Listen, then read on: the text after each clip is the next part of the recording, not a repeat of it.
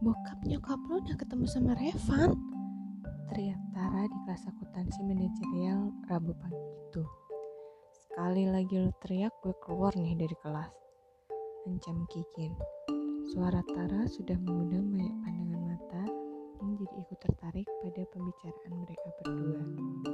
Tara menarik tangan Kikin. Sorry, sorry. Iya, gue pelanin suara gue. Lanjutin ceritanya. Kikin lalu menceritakan lengkap seluruh kejadian tadi malam. Tara mendengarkan dengan serius tanpa mengeluarkan suara sedikit pun. Dan gue nggak tahu mesti gimana kalau ternyata nyokap gue tahu kalau Revan nggak punya pacar. Apalagi ditambah pernyataan bodoh dia waktu nyokap gue nanya apa gue sama dia pacaran. Bisa-bisanya dia jawab belum.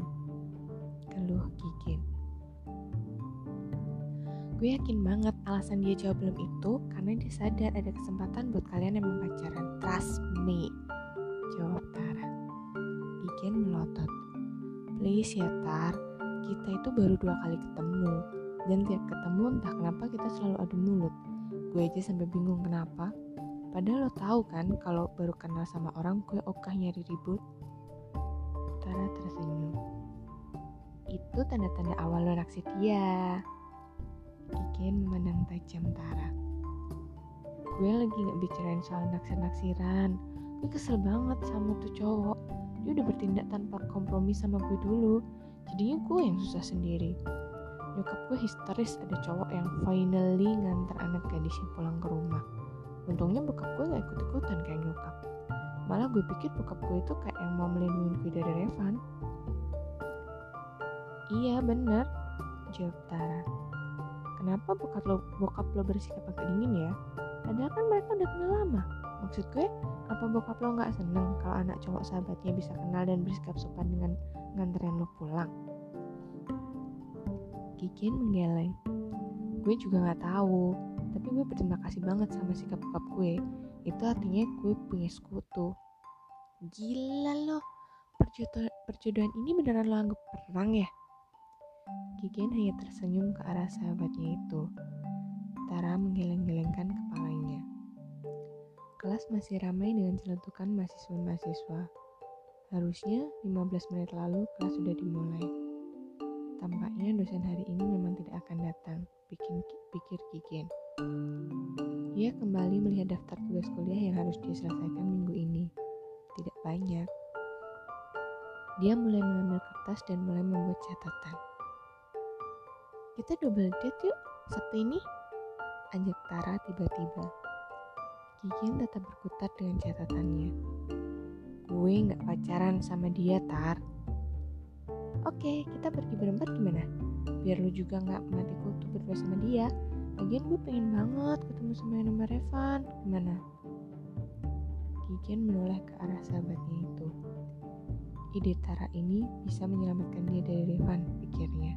Dia tersenyum. Kita pergi kalau dia mengajak gue pergi ntar weekend. Kalau enggak ya berarti kita nggak pergi. Siap bos. Tapi nggak ada ya lo genit sama Revan. Ingat Tristan. Tara mengangguk. Tenang, gue nggak akan berebut cowok sama lo. Kikin hanya mendecakkan lidahnya, tapi tidak tidak berkomentar. Dosen mata kuliahnya pagi itu terlihat datang dan membawa setumpuk lembar pertanyaan kuis. Sial kuis lagi, kata Tara yang juga melihat bawaan dosennya tersebut.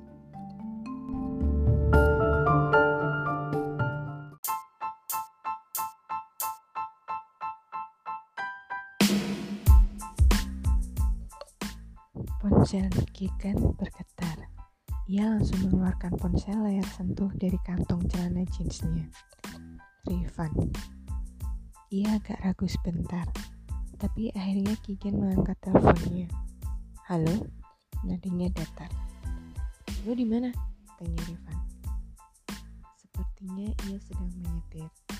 Di depan kampus, kenapa? Gue udah deket, bentar lagi nyampe. Gue lapar nih, kita makan di kantin kampus lu dulu ya. Suara klakson terdengar di antara kalimatnya. Eh, Kikin agak panik. Mana mungkin dia makan berdua bareng Rifan di kantin. Itu artinya Tara dan teman-teman yang lain akan melihat mereka berdua. Bagaimana bisa Kikian menjelaskan hal tersebut? Eh, nggak makan di luar aja? Kan bentar lagi lo kerja, biar sekalian juga. Tunggu bentar ya. Revan menutup teleponnya. Kikian menoleh. Oh tidak, mobil Revan benar-benar sudah masuk parkiran kampusnya. Kikian menoleh, menoleh sekelilingnya. Takut kalau-kalau ada temannya yang bakal melihat. Tentu saja, ada beberapa temannya yang sedang berada di depan kampus dan duduk di taman. Kikian melihat Revan turun dari mobil putihnya. Aduh, Revan melihat Kikian dan berjalan ke arahnya. Kok nggak kok nggak bilang-bilang lo lapar? Kan bisa gue bungkusin makanan dulu. Kata Kikian begitu melihat Revan berdiri di depannya. Emang kalau gue lapar mesti laporan dulu sama lo? Kikian salah tingkah. Bukannya gitu, tapi biar praktis. Kan lo bisa nitip makanan sama gue. Lo udah makan emang? Belum? Nah, pas banget kan? Kita makan di sini aja dulu. Lewat mana kantin? Sial, pasti Tara seneng banget nih ketemu Revan. Kumam Kikian dalam hati. Mereka jalan ke kantin sebelah kampus Universitas Palapa. Kantin tersebut tidak terlalu besar, tetapi merupakan kantin favorit Kikian dan teman satu fakultasnya. Walaupun ada kantin yang dua kali lebih besar, tapi karena lebih dekat dari fakultas ekonomi, maka ia menjadi kantin favorit Kian dan Tara. Mereka duduk di kursi dengan meja bunda. Lo mau makan apa? Tanya Kian. Menu paling enak apa? Gue sukanya soto, sate ayam, ayam bakar, sama fuyeng hai. Tapi gudegnya juga enak. Kikin menunjuk kios yang menjual makanan yang ia sebutkan satu persatu. Doyan makan juga ya lo? Kigen tersenyum masam. Mau apa biar gue pesenin? Buyung hei deh, lo? Kigen memandang sekeliling, menimbang-nimbang apa yang ia ingin makan. Gue kuda aja. Ia bangkit berdiri. Bentar ya. Beberapa menit kemudian Kigen kembali. Gue pesenin es jeruk tadi, gak masalah kan? Tanya Kigen begitu. Tanya Revan begitu Kigen kembali duduk. Kikian mengangguk. Dan kali ini bayar masing-masing? Tanya Revan memastikan. Lagi, Kikin mengangguk. Sebelum Kikin buka mulut untuk bicara, suara yang akrab memanggil dirinya dari seberang. Kikin! Tara melambih-lambihkan tangannya. Di sebelahnya ada Tristan yang ikut tersenyum melihat Kikin. Kikin refleks menunduk. Kedua orang tersebut adalah yang terakhir yang ingin ia lihat hari itu. Temen lo? Tanya Revan. Iya, yang pernah gue ceritain itu. Ian tersenyum kepada Tara dan Tristan yang kini sudah berada di sampingnya. Ia bisa melihat bahwa Tara sudah bisa menduga bahwa yang di depannya itu adalah Revan. Tara tersenyum, Revan, tersenyum lebar kepada Kiken sambil melirik Revan. Gue kira lo udah pergi kerja, kok belum pergi? Kikian diam-diam mencubit lengan Tara. Makan dulu gue, gue juga belum pulang sama Tristan. Belum, kok eh kenalin dong temen lo ini, kok gue baru lihat? Oh, Kikian melirik Revan. Cowok sialan itu masih terlihat santai. Iya, ini Revan. Van, ini Tara sama Tristan. Tara menyalami Revan. Lalu Tristan ganti menyalami Revan. Kikin sudah khawatir Tara akan ikut duduk bersamanya dan membuat keadaan makin canggung ketika dia melihat Tara melempar senyum kepadanya. Kalau gitu gue pergi dulu ya sama Tristan. Duluan ya Revan. Pamit Tara sambil lagi-lagi tersenyum lebar kepada Revan. Tristan hanya mengelukkan kepalanya kepada Revan yang disambut dengan anggukan juga. Kiken tahu dia jadi berhutang pada Tara. Temannya itu pasti minta penjelasan panjang lebar nanti. Tepat setelah Tara dan Tristan pergi, pesanan mereka berdua pun datang. Kiken yang berusaha agar tidak ditanya Revan, langsung menyendokkan makanannya. Lo udah doa? Tanya Revan. Kiken tersedak. Apa gue? lalu dengan cepat minum seteguk dan berdoa. Saking laparnya lupa doa. Kiken tak membalas ucapan Revan dan melanjutkan makannya. Yang tadi itu temen lo yang bilang mau dikenalin ke gue itu ya? Kiken mengangguk. Dia sahabat gue. Jadi sebenarnya dia tahu dong siapa gue sebenarnya. Menimbang itulah sahabat lo yang pasti udah lo curhatin. Bisa dibilang begitu. Respon dia gimana tentang kita? Kiken kembali tersedak. Astaga, apa-apaan nih Revan? Tentang kita. Emang ada apa dengan kita? Revan langsung menyodorkan es jeruk kepada Kikin. Hati-hati, lo kesedak melulu. Kikin melotot. Gue tersedak gara-gara siapa coba? Udah baik kan? Ia menyodorkan sapu tangan yang diambilnya dari kantong celananya. Nih, mata lo berair. Masa tersedak doang sampai nangis? Kikin mengambil sapu tangan itu dengan kasar. Diusapkannya dengan sembarang, berharap mukanya kotor hingga mengotori sapu tangan cowok yang santai sekali di depannya itu. Jadi, jawaban pertanyaan gue tadi gimana? Tanya aja sendiri sama orangnya, kan udah kenalan tadi. Evan tersenyum. Oke, kita lanjutin aja makanya, biar lo gak telat kantor. Akhirnya, mereka berdua makan dengan tenang. Selesai makan, mereka berdua langsung berjalan menuju mobil Revan. Sebelum sampai di parkiran, Kigen berhenti sambil memegangi perutnya. Revan menoleh ke belakang dan menghampiri Kigen. Lo kenapa? Sakit perut? Baru makan langsung jalan, sakit sedikit. Lo mau gue beliin minum? Kigen menggeleng. Lalu ia jongkok agar rasa sakitnya tertahan. Revan pun ikut berjongkok. Mau gue gendong? Kikin mengangkat wajahnya. Lo kira gue anak kecil? Emang badan lo kecil, balas Revan. Pendek maksud lo? Bisa dibilang begitu, tapi gue memperhalus dengan bilang badan lo kecil. Kurang ajar betul cowok ini. Lo jauh-jauh dari gue sana sebelum gue naik pitam. Revan hanya terdiam memandangi Kikin. Ia menunggu, enggan berkata lebih banyak. Takut cewek di depannya itu akan benar-benar marah. 5 menit berlalu. Udah baik kan? Tanya Revan. Tak ada jawaban. Perlahan Kikin bangkit berdiri dan mulai berjalan pelan. Revan menyodorkan lengannya ingin membantu. Tetapi Kikin melengos, tampak kesal. Revan membukakan pintu mobil untuk Kikin. Setelah memasuki mobil Revan, Kikin mengenakan sabuk pengamannya. Astaga, Kik Kigen saat Revan baru saja mau menyalakan mesin mobilnya. Kenapa? Gue ninggalin netbook gue di locker. Ya udah, sini gue yang ngambilin. Gak usah. Udah, kata Revan. Gue minta gue minta kunci lokernya. Kiken membuka isi tasnya dan mengambil kunci lokernya. Ini loker nomor 475 ya. Revan mengangguk. Tunggu, Kikian melihat Revan yang berlalu ke dalam kampus.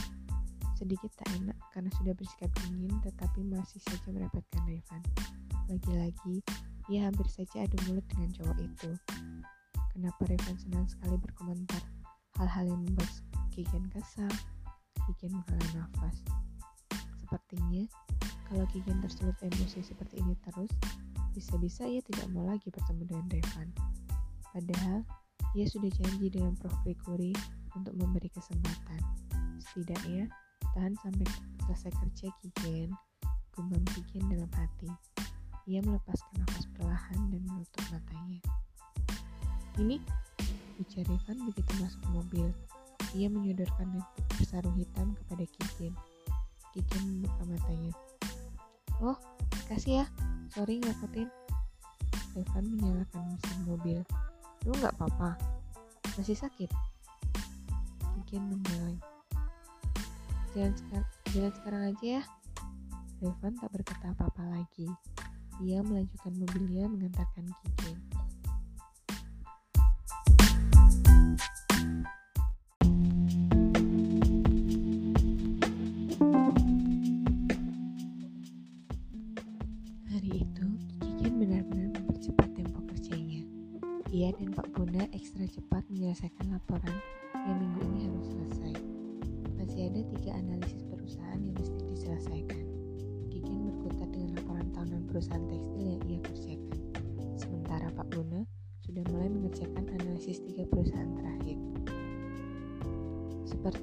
Kita terlalu asik berdiskusi selasa kemarin sampai-sampai PR hari ini menumpuk.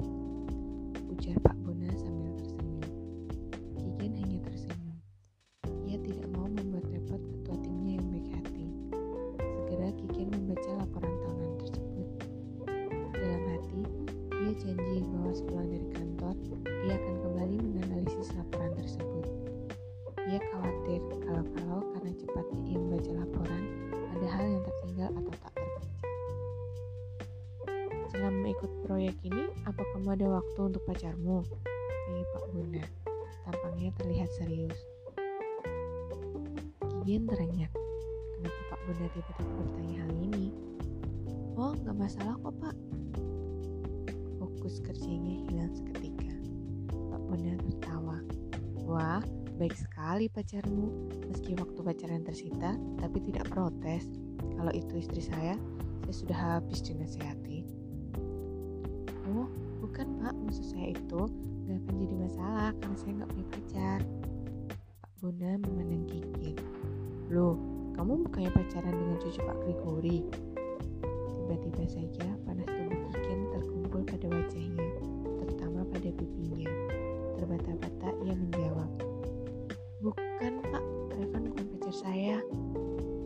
Pak Bona masih memandang Kikin lalu ia tersenyum. Saya kira kamu pacarnya. Baguslah kalau memang tidak ada yang keberatan dengan waktu kamu yang tersita untuk proyek ini. Kikin tersenyum kecil sambil berusaha kembali berkonsentrasi pada laporan yang seharusnya ia baca. Istri saya kadang suka keberatan kalau saya terlalu mencurahkan waktu untuk bekerja. Bukan terkadang juga, tapi banyak kali seringnya,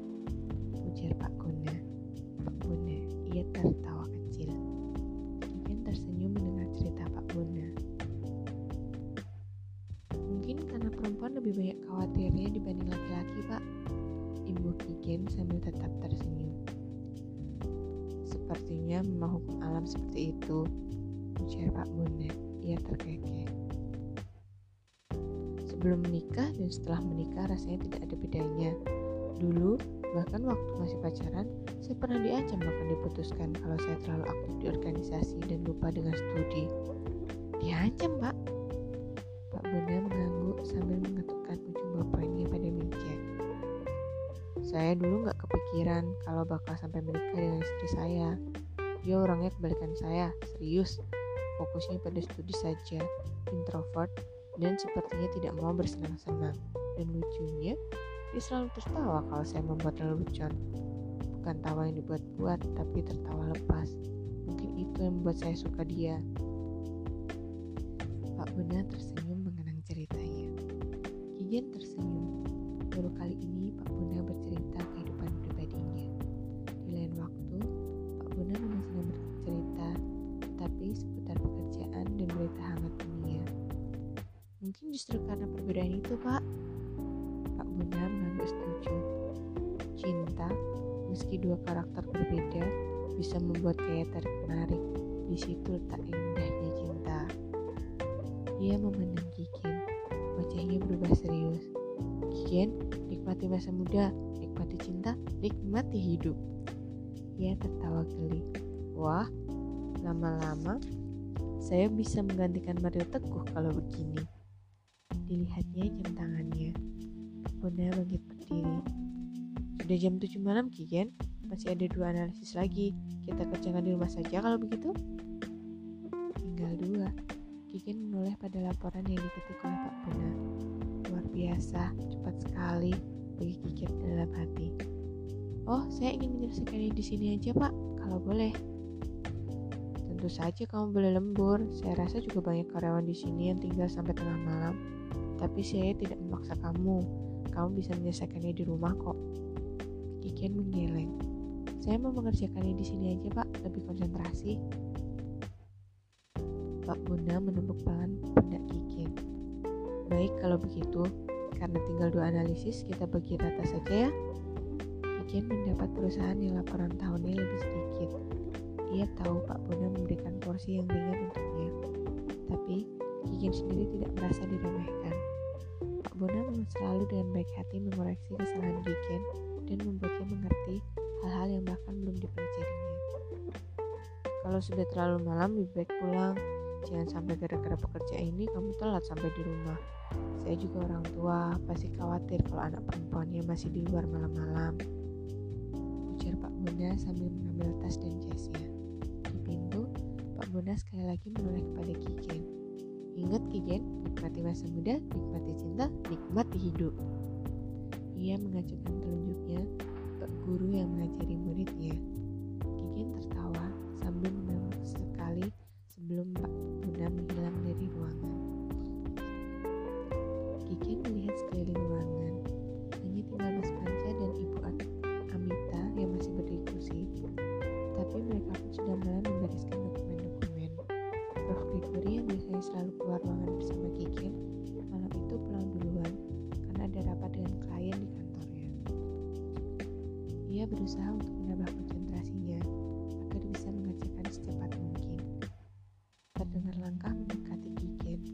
Ia menoleh ke arah suara itu.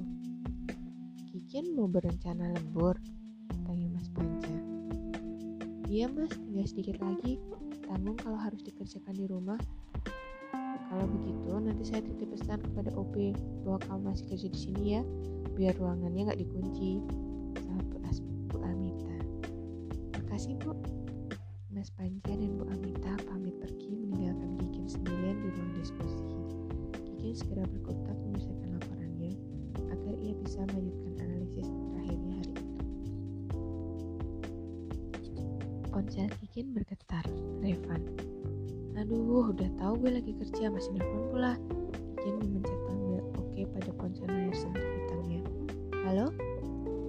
belum turun sih? Gue udah di parkiran dari tadi.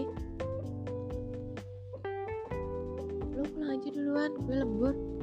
Lembur? Yang lain gue lihat udah pada turun kok. Kerjaan gue belum beres. Diam sesaat. Lo sendirian atau ada yang nemenin? Tanya Revan.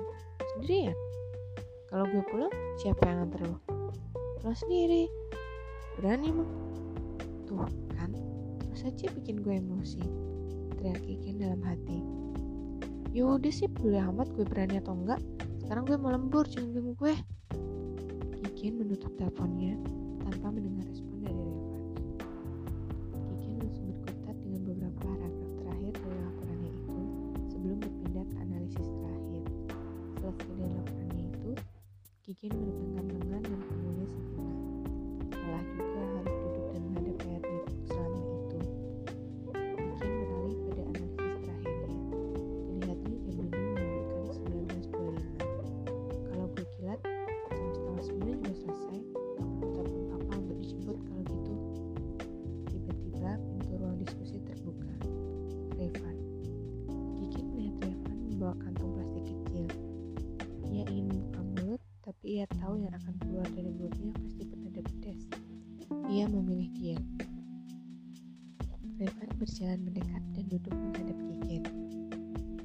pikir lo bakal lapar. Ia menyodorkan roti dan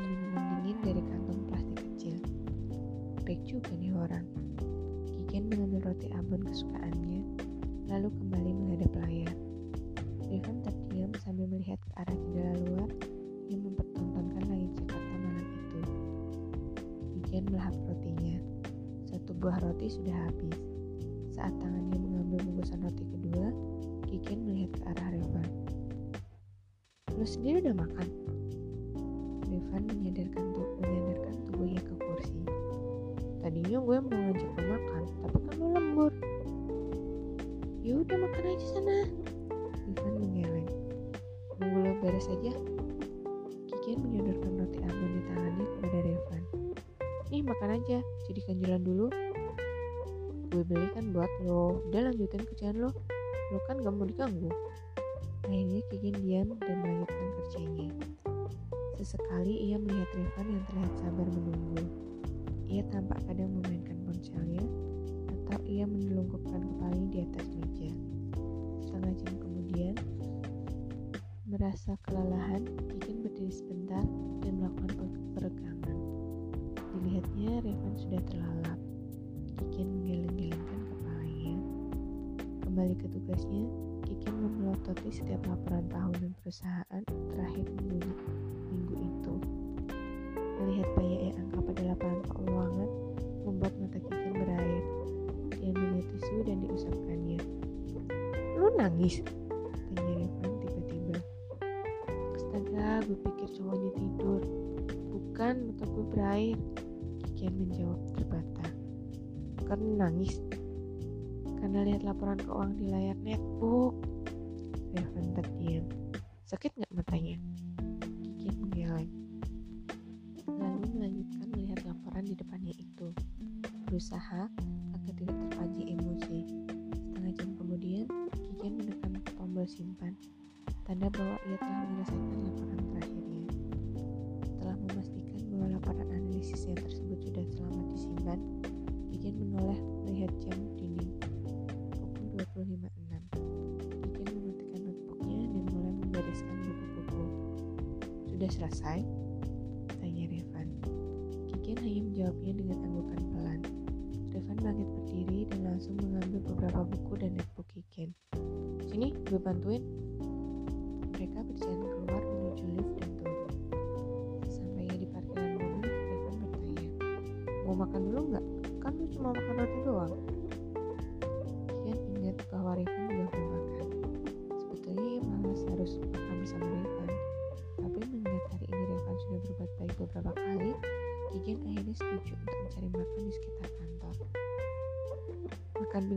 Yuk, ajak Revan setelah mereka di dalam mobil.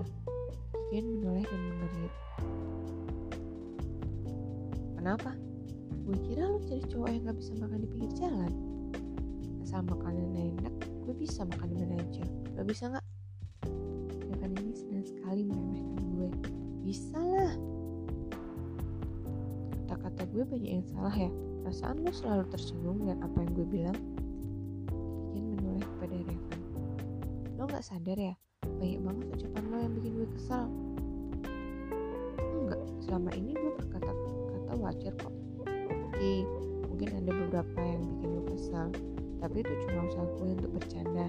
Yang gue gak tahu kenapa malah lo respon dengan serius.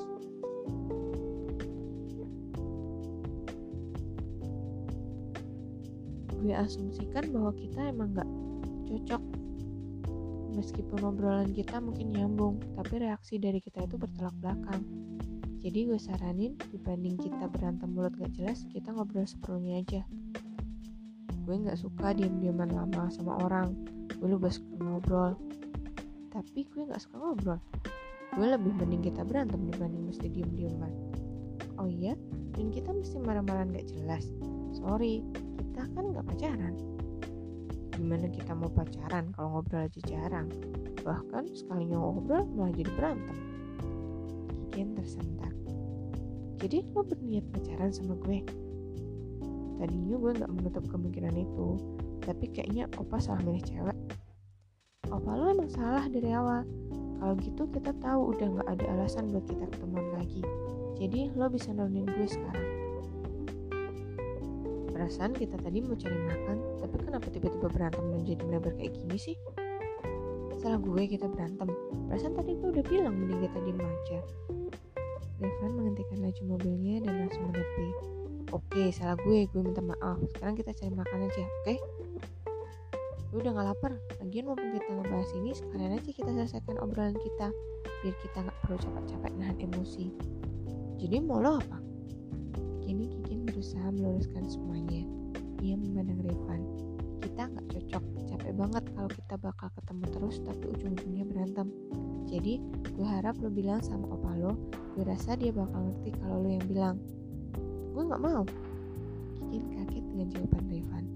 Ia pikir ide ini akan langsung diiyakan oleh Revan. Gue nggak mau, ulang Revan.